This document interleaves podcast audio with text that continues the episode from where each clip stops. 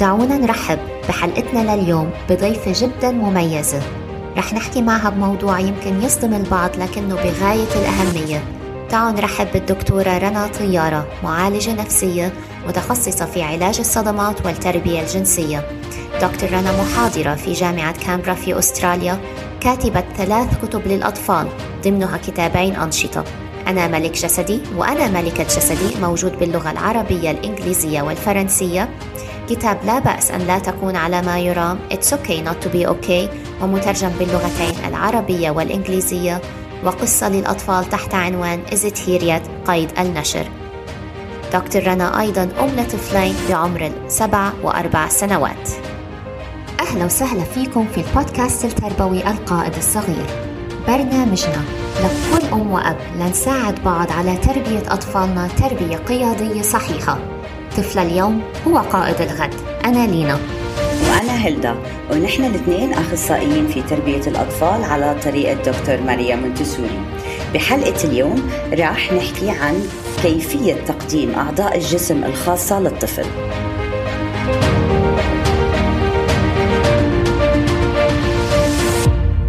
بصراحة هلدا ما بعرف ليه بالحلقة هاي أنا حاسة شوي بالخجل. هل لأنه ما تعودنا نحكي بهالمواضيع أو مر بينا ونحن بنستخدم هاي المصطلحات. وأفاجئك أكثر هلدا إنه في مصطلح هلأ عرفت اسمه بالعربي وأنا بالثلاثينات من عمري. بس شوفي بصراحة رغم هذا أنا باعتقادي إنه بهالزمن أكثر من أي وقت تاني يمكن أكثر من زمني وزمنك وزمن أهالينا ضروري نربي أولادنا على هيك. زمني وزمنك كان فيه براءة وكان التحرش الجنسي قليل. وكان الكل بحب الكل والكل يدير باله على الكل فالزمن والوقت اتغير. أنا بعرف أنت ليه خجلانة لأنه اللغة اللي استعملوها أهلنا لما يجي الموضوع لل private parts عيب. لا كيف؟ فكان كتير بطريقة سلبية. ف that's why انت براسك إنه يا الله هلا بدي أحكي عن هالموضوع. ف وكمان حسسنا يعني إنه ما بنرتاح ابدا ما بنرتاح لما نحكي فيه ولما بنرتاح لما نحكي أسمائهم.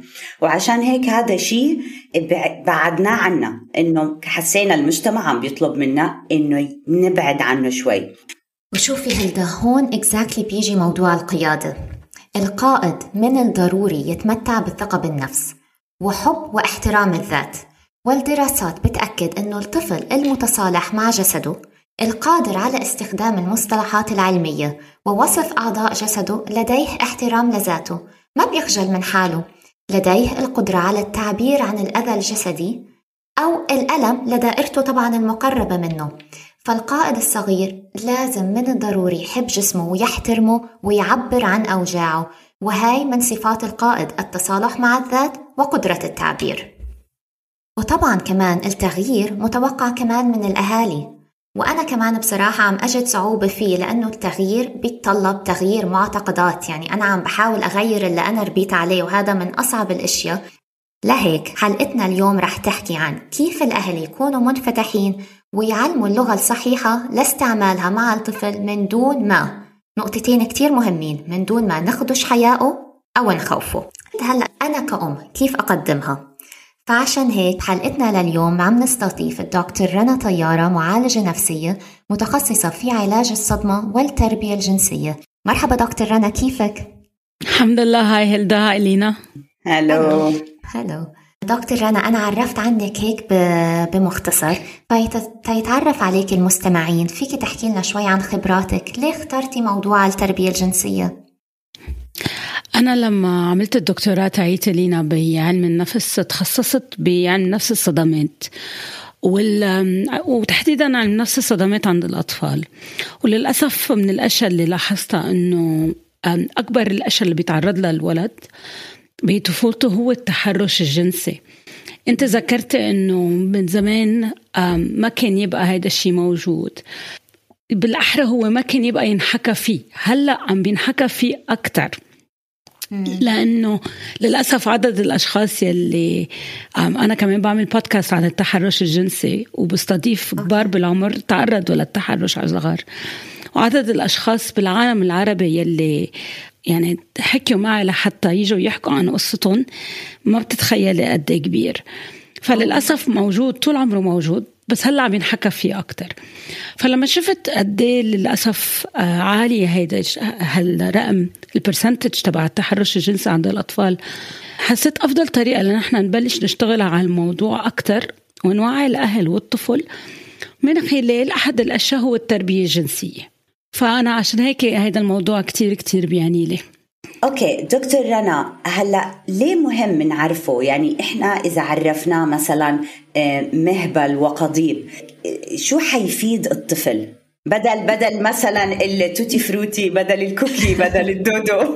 يعني أنا كتير مبسوطة إنك ذكرتيهم هول لأنه بعتقد حتى كمان بكل بيت آه، بيتعرف عليهم بطريقة مختلفة. فما في الأسامي اللي نحن بنعطيها ما كلها قمن عند الكل يعني.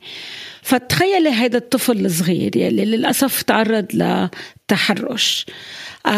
طبعا اولا هو منه مرتاح متضايق في شي زعجه منه فهمان ليه متضايق بعد مزبوط بس منه حاسس بارتياح وراح يخبر هيدا الشخص المعلمة أمه أنه هو مزعوج. طب إذا هو ما قادر بالضبط يدل على هيدي المنطقة اللي هو للأسف تعرض فيها للتحرش لأنه متضايق. يعني ما هين إنه يلمسها أو ما هين إنه يدل عليها. واستعمل هول الكلمات اللي هلأ أنت قلتيها. كوكي آه، يعني كتير أشياء ما بعرف صراحة ما بيطلع براسي شيء المعلمة مش حتفهم عليه شو صار اولا وبالتالي إذا ما فهمت عليه حت ما تعرف تتعامل مع الموضوع بلحظتها بطريقة مناسبة.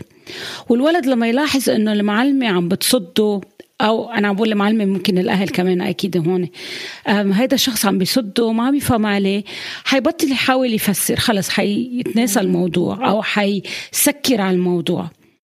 وصارت يعني أنا كتير سامعة قصص خاصة الكوكي it's funny أو flower وردة. في بنوت راحت عند معلمتها وقالت لها انه البواب اخذ لها الورده تاعيتها.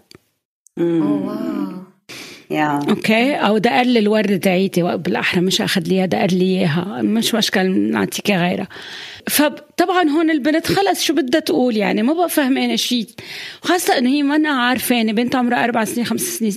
ما فهمانة إنه هيدا الشيء ما بيتغير هيدا الشيء طبعا هيدا الشيء كتير أساسي من هالمنطلق كبداية يعني. طيب دكتور رنا وبأي عمر نقدم لهم المصطلحات العلمية؟ من أول نهار. من أول نهار بيخلقوا فيه. من أ... أنا لما أنا إحنا لما بنكون مع أطفالنا من أول ما يخلقوا صح؟ بنكون عم نغير لهم الأحفاد بنكون عم نلبسهم بنكون عم نلعبهم بندقر لهم الأنف بنقول لهم هيدا الأنف هيدي العين غمض عين فتح عين. طب أنا ليه ما في أنا عم غير له الأحفاد مثلا لابني؟ قال له هلا بدنا ننظف القضيب. مثلا آه، أنا عم نظف لبنت كمان قال هلا بدنا ننظف الفرج أو المهبل. فمن البداية لأنه هن بالنسبة لنا هول المفروض يكونوا مجرد أعضاء عندهم وظائف كتير مهمة. المشكلة هون لينا أنه نحن نربط هول الأعضاء مجرد بالجنس. فعشان هيك عنا هيدي الفكرة إنه هول تابو هول عيب هول الولد ما لازم يعرف أو يحكي عنهم. لأنه نربطهم بس بالجنس بينما هن عندهم وظائف كتير أكثر من هيك. فمن صح. من أول نهار. Yeah yeah okay.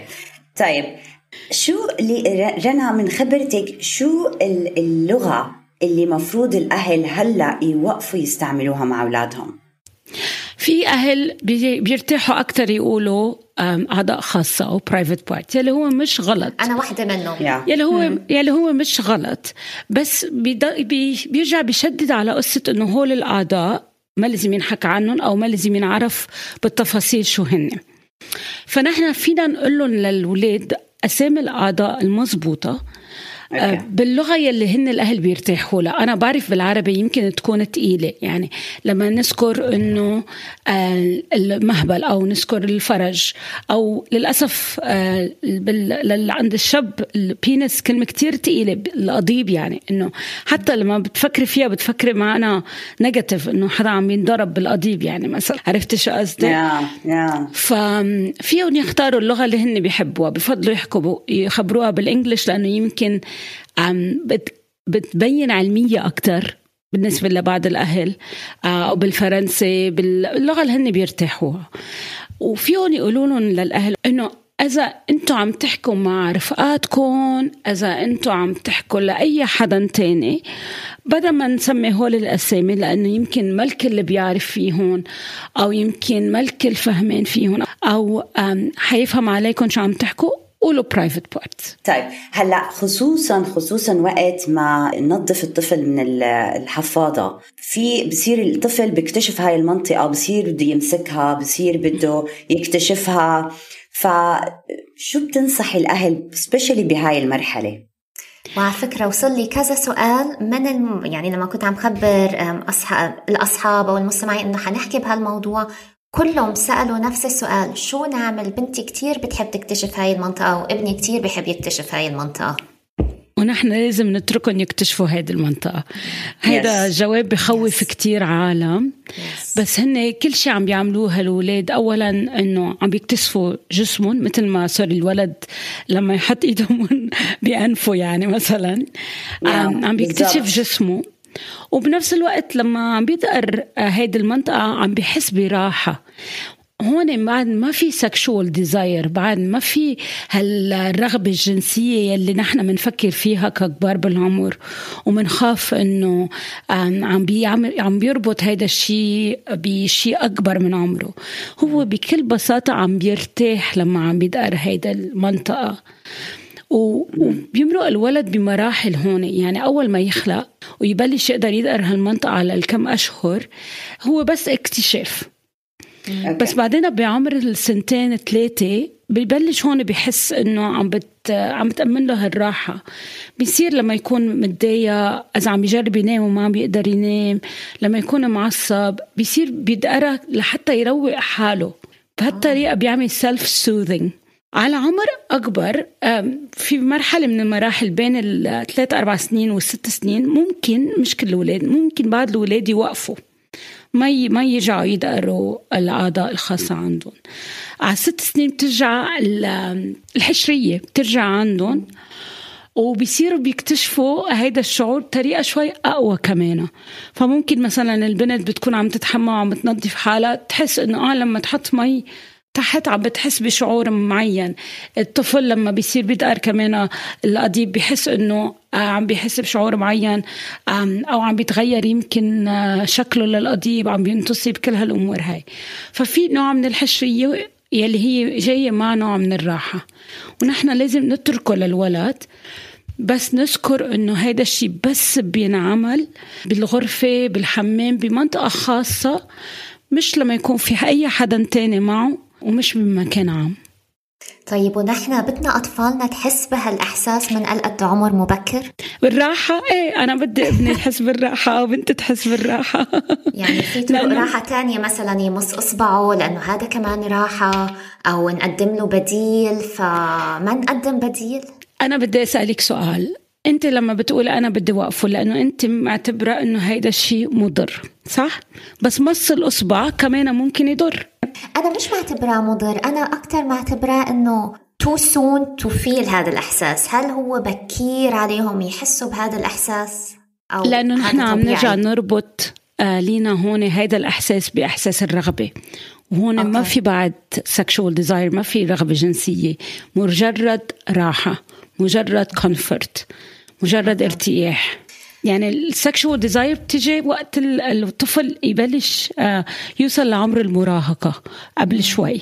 هون بنبلش إيه بتصير لما يعمل when he's masturbating لما يستمني بيكون لحتى يحس بشعور الرغبة أو شعور معين اللي هو أكثر من راحة. وبيكون فهمانة بطريقة يمكن مختلفة. هون هلا كمان sorry جوابا على يمكن القلق يلي لينا كانت عم بتشاركنا فيه. إذا أنا حسيت هيدا الطفل عم ببدي وقت اللعب عم ببدي وقت ال social interaction بأنه هو قاعد بأوضته عم بيلمس اعضائه الخاصة. هون أكيد أنا بدي أتدخل. طالما هو ما عم بياخد الوقت الأكبر من نهاره إذا هو عم بيعمله كل شوي والتاني بالبيت فترات صغيرة. بس مثل ما قلت لما بده ينام يجرب ينام ليريح حاله. ساعتها ما مشكل. لما تصير هيدا الشيء ياخد الوقت الأكبر من نهاره هون بلا فيها أنا أتدخل. وشدد على إنه يكون في بديل اللي هي عيط له قل له تعال غسل إيديك وتعال شاركني بشيء نعمله سوا. أو اعطيه لعبة مثلا بدل هذا لحتى يحفز الحواس تاعوله في أشخاص خاصة الأطفال كمان اللي عندهم احتياجات خاصة. it's it's way for their senses لأنه to stimulate their senses لحتى يقدروا يحفزوا حواسهم. وهون نحن حابين نأكد إنه تعليم الصغار حب واحترام الجسم من عمر مبكر بيساعدهم على النمو ليصبحوا أطفال وبالغين حابين يحافظوا على أجسادهم وحابين يكون عندهم أجساد قوية وصحية وآمنة. وتعليم المصطلحات جزء من هاي المعادلة. هيك حيقدروا القيام بكل الأشياء اللي بيحبوا القيام فيها وما يكون عندهم لا عوائق نفسية أو عوائق جسدية. وهون هلأ بيجي سؤالنا الثاني دكتور رنا. الريسيرش الدراسات بتأكد بس للأسف ما في إحصائيات. يعني في دراسات كتير بس ما قدرت هيك إيدي تحصل على إحصائيات. بس بتقول الدراسات إنه الطفل اللي بيعرف يستخدم المصطلحات العلمية بيبعد الاعتداء الجنسي عنه. معناته إنه بالمقام الأول من غير مرجح إنه يختار يختاروا الجنى اللي عم بيبحثوا عن الضحايا وبحالتنا للأسف الأطفال ما حيبحثوا عن الطفل اللي واثق من حاله وبيعرف يصف جسمه. أو اللي هم متأكدين إذا أنا هذا الطفل اللي أنا عم بحاول أتحرش فيه هو متصالح مع نفسه وعم بيعرف يستخدم المصطلحات أكيد حيعرف يشرح لوالديه شو صار معه أو للمعلمة أو لدائرة الأمان عنده. فهل أنت من خبرة الدكتور رنا هذا الكلام مزبوط؟ لأنه أنا قرأته كتير بس أجان ما في إحصائيات تأكده. مية بالمية لأنه هذا الشخص أنت ذكرتيه ألينا هذا الطفل بصير عنده الثقة أنه يروح يحكي بالموضوع فهون المتحرش بخاف أنه ينفضح أكيد أولا. فبيبعد بيكون عنده أقل القدرة أنه هو يتصدى لهيدا أو يتعرض سوري لهيدا الطفل. ف نحن هون عشان هيك أهمية إنه لما نحسسه للولد فينا نحكي بهيدي المواضيع. ومنا عيب ومنا shameful عم عم نقويه عم نحصنه. عم نحسسه إنه هو يلي إذا تعرض لسمح الله. لأنه نحن للأسف ما فينا نمنع التحرش مية بالمية. حتى لو علمناهم لأطفالنا كل هول الأمور هاي ما فينا to prevent مية بالمية. بس يلي فينا نضمنه إنه لا سمح الله إذا تعرضوا من أول مرة لأي شيء حيعرفوا دغري يجوا ويقولوا لنا ونحن حنقدر نوقف معهم ونتصدى للموضوع. so هذا الشيء اللي بخاف منه المتحرش كتير. okay نقطة عن جد مهمة إنه هاي بتعطينا boost إنه فعليا نقول لهم الأسماء مش يعني مش حرزانة to risk التحرش عشان بس يتعلموا اسمين. طب آه، دكتور رنا شو هي الأعراض اللي أول شيء بتظهر على الطفل في حال تعرضه للتحرش؟ في شغلتين ممكن تصير يا أما الطفل آه، بينزوي ببطل بده إنه حدا آه، يشوف أو يدقله أو يلمس له الأعضاء الخاصة أو بيصير العكس بيصير آه، عنده هالرغبة إنه يمكن يفرجي أكثر أعضاء الخاصة يحكي فيها أكثر آه، يلمس أعضاء الخاصة عند الآخرين. سو هيدا الحشرية أكثر عن الأعضاء الخاصة. ممكن يستعمل عبارات أكبر من عمره اهلته منه حاكين فيها؟ منه مستخدمينها يسأل أسئلة يسأل الأم مثلا أو البي اديتوا له للقضيب تاعه فأشياء أنا عم شوف تعابير وجهك هلدا للأسف. لأنه الطفل قد عنده يا, يا للأسف. آه آه واو. للأسف. طفولته جرحناها يعني. 100% 100% سو يا بينزوي من هالناحية وما بده يحكي بالموضوع أو إنه حدا يدقره أو يشوفه. آه، حتى والدته إذا عم تساعده بالتنظيف. أو العكس. ومن الأشياء الثانية كمان بنلاحظها إنه يا أما بيصير يسأل عن المتحرش أكثر نحن بنعرف أنه للأسف 90% من المتحرشين هن أشخاص بالدائرة الخاصة تاعت الطفل. بدائرة الأمان يس فبصير هذا الطفل يمكن يسأل أكثر عن هذا الشخص بده يشوفه أكثر آه، حابب يكون معه أكثر أو العكس ما بده يروح على المكان يلي ممكن يعتبر إنه هذا الشخص موجود. ليش شغلتين؟ لأنه أولا للأسف المتحرشين جنسيا عندهم القدرة يحسسوا هذا الطفل إنه هو مميز. عندهم القدرة يحسسوا هذا الطفل إنه هن اللي عم بيعملوه لأنه هن بيحبوه هن بيقدروه هن عم بيعطوه عاطفة الاهل يمكن ما عم بيعطوه إياها. وهذا أحد الأسباب يلي ممكن إنه الطفل يلاقي صعوبة ليروح ويخبر.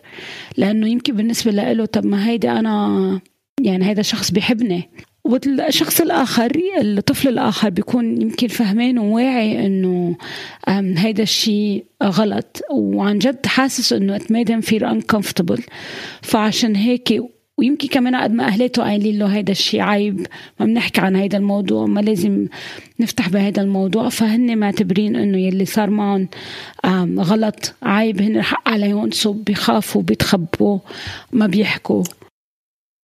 هون بنيجي لسؤالنا الثاني دكتور رنا وأنا عن جد ما بدي أتخيل أبدا هذا الإشي بس لو أي طفل قريب على قلبي حتى ما بدي أقول أولادي لأنه صعب علي تخيل هذا الإشي. بس لو أي طفل عزيز على قلبي أو طفل كتير بحبه إجا قال لي إنه حدا تعرض له جنسيا هو تعرض للتحرش. كيف كيف أتعامل مع الموضوع يعني؟ شغلتين أساسيات. أولا إنه نحن نصدقه للطفل. لو مين ما كان هيدا الشخص يلي الطفل جاي عم بيقلنا تعرض له. لو نحن شو ما كانت فكرتنا عنه لهيدا الزلمة وبنعتبره أحسن إنسان بالعالم نحن لازم نصدقه لهالطفل. هيدا أول شغلة. تاني شغلة لازم نفسر له ونكون كتير واضحين إنه نحن كتير ممنونين إنه هو إجا وخبرنا قد إيه كان هيدا الشيء ضروري وإنه هو أبدا ما الحق عليه بأي شيء صار. ولا صفر فاصلة صفر صفر واحد بالمية. بس الهدوء. هلا أكيد الناس هلا أنا حطيتهم براسي وححاول أتذكرهم بس الهدوء to recall هدول ال two steps كتير صعب رح يكون صح؟ هو صعب. بس نحن مضطرين هون ناخذ نفس عميق ونسيطر على أعصابنا. وبعد ما نقول له هالكلمتين نفوت على الأوضة ونصرخ إذا بحاجة نعمل هالشيء yes. بس كتير مهم بلحظتها عن جد ناخذ نفس عميق نقول له هول الكلمات نرجع نفوت نخبط بالحياة نعمل اللي بدنا إياه لنطلع أكيد هيدا الشعور اللي وللأسف بتعرفي شو هلدا كتير من الأهل بيكونوا يمكن حاسين إنه يلي تعرض له الطفل حق عليهم. بس هيدا الشيء كمان مش مزبوط بس لا الحق على الطفل ولا الحق على الأهل. في حدا مريض عم بيعمل شغلات مش مقبولة. دكتور رنا طيب هذا السؤال نحن ما كنا كاتبينه بس لازم أسأل يعني إنه طيب أنت كمعالجة تروما هل خلص طفلي تدمر نفسيا لبقية حياته؟ في في مجال إني أقدر أنقذه بعد هذا الموقف؟ بليز yeah. الصدمة ما بتطلع من حياته للطفل بس ما يعني إنه الصدمة حتضلت مأثرة negatively على حياته. يعني هيدي الذكرى نحن ما فينا نمحيها ويمكن okay. كمان ما ضروري نمحيها لأنه ممكن إنه نحن نقدر نحولها لنقطة قوة بحياته. هون بنسمي نحن it's ال survivor power لما حدا يكون عنده للأسف تعرض لأي صدمة إن كان جنسية أو غيرها يقدر يستعمل يلي هو مرق فيه اولا لحتى يساعد الآخرين وثانيا لنقطة قوة بحياته هو. فطبعا في يتخطاها في يشتغل معها في آه، تساعده لحتى يبني مستقبل أفضل له ولأولاده بس بينساها لما للأسف ما بتنتسى.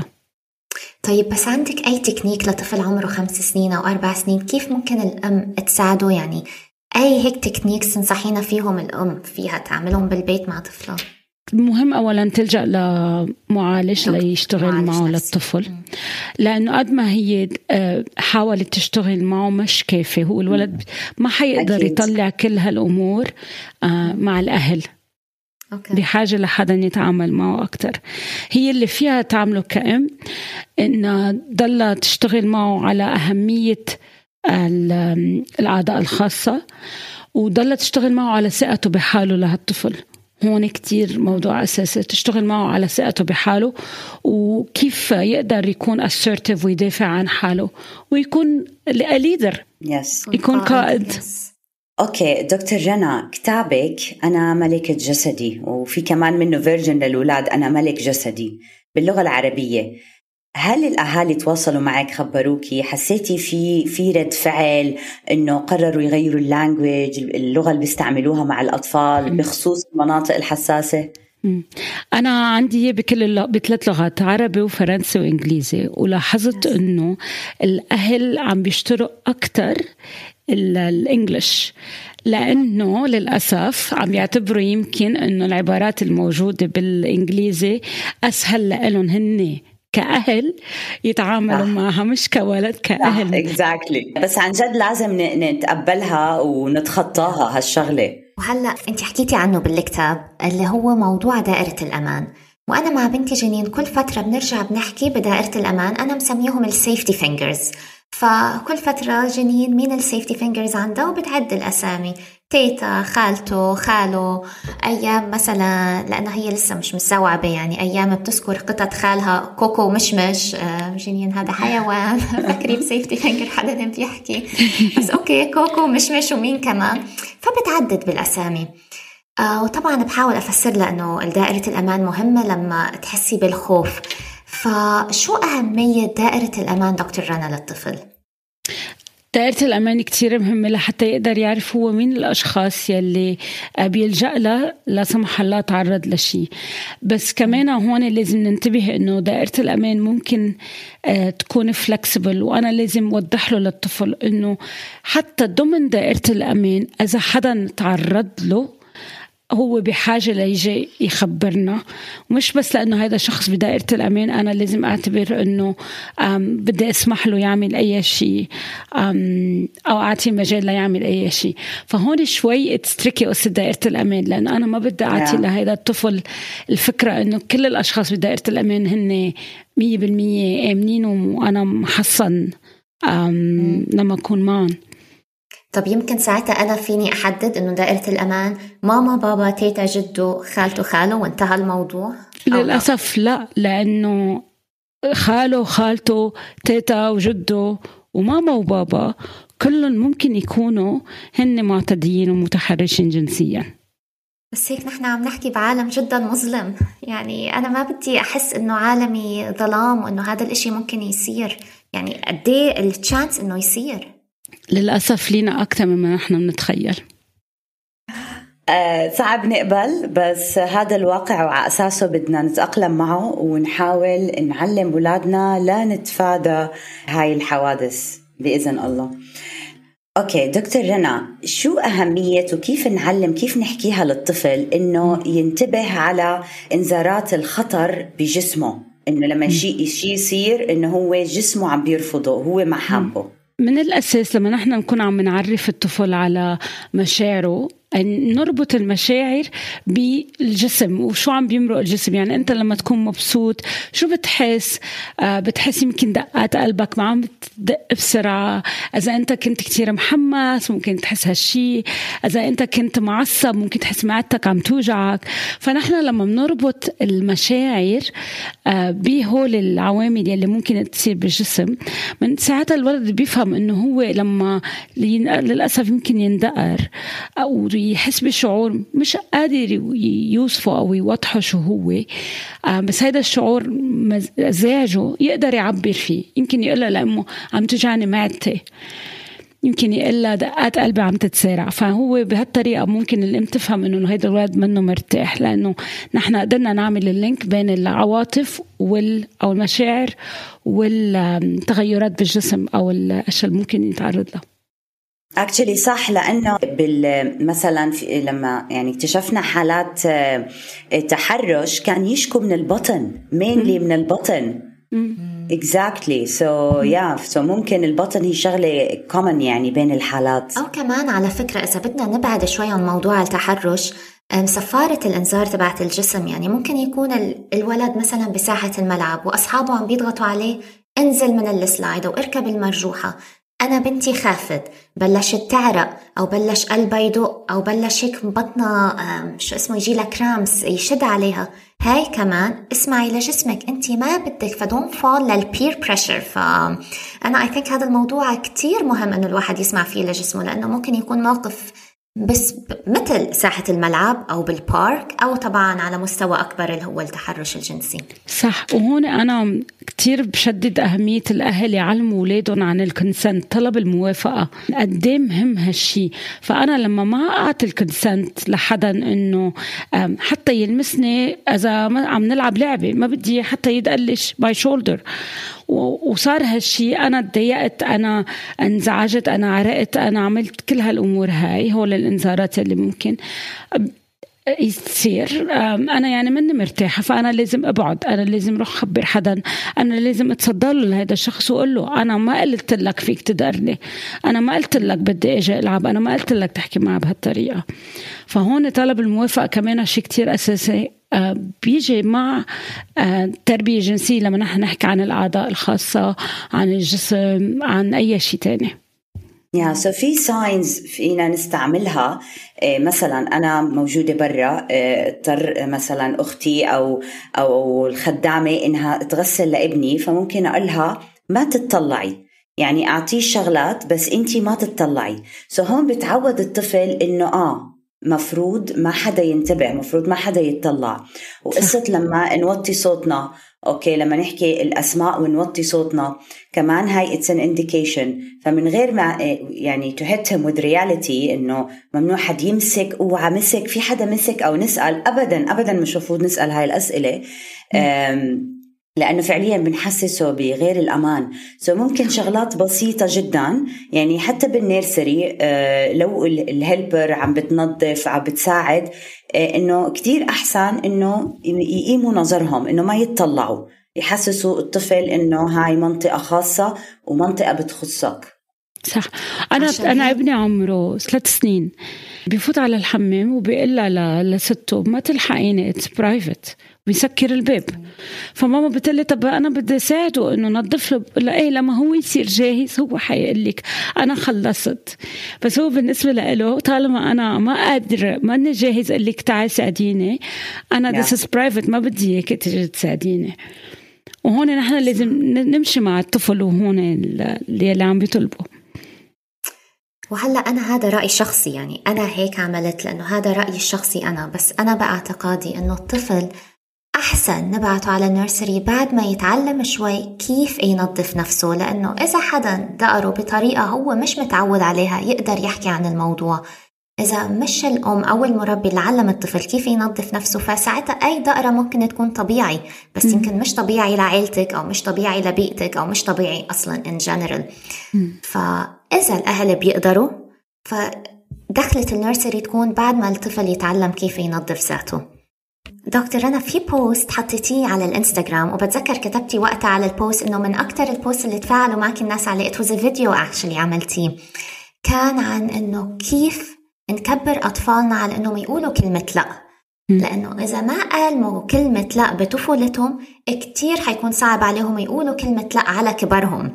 Whether كان بالمكتب لمديرهم أو بالجامعة لصديق مش قابل يشتغل على بروجكت أو أو مثلا ل... لست مش حابة تتجوز هالرجل بتقول لا ما بدي. أمثلة كتيرة بالحياة فتحكي لنا شوي أكتر عن هالنقطة وكيف نعلم طفلنا يقول لا.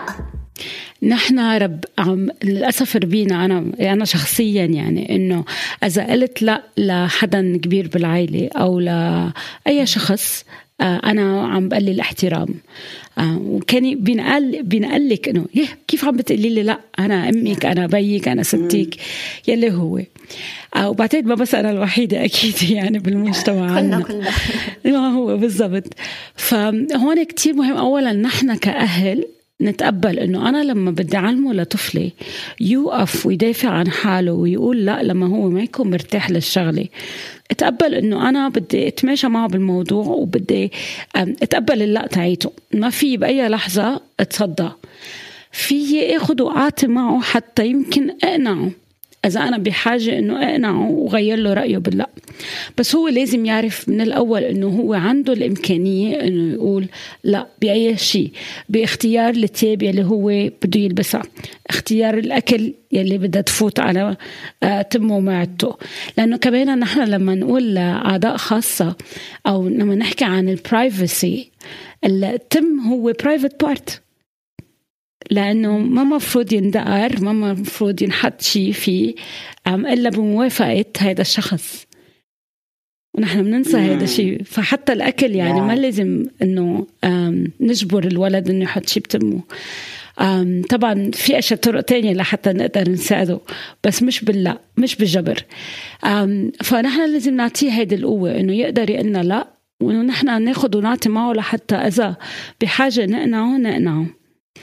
يعني زي, زي لما يأذوا بعض مثلا لازم تقول sorry بس إيه ما صح. ب... so we jump to conclusion ما بنحكي إنه شو صاحبك زعلان؟ ليه زعلان؟ وهاي كلها we skip it ل ل sorry مزبوط.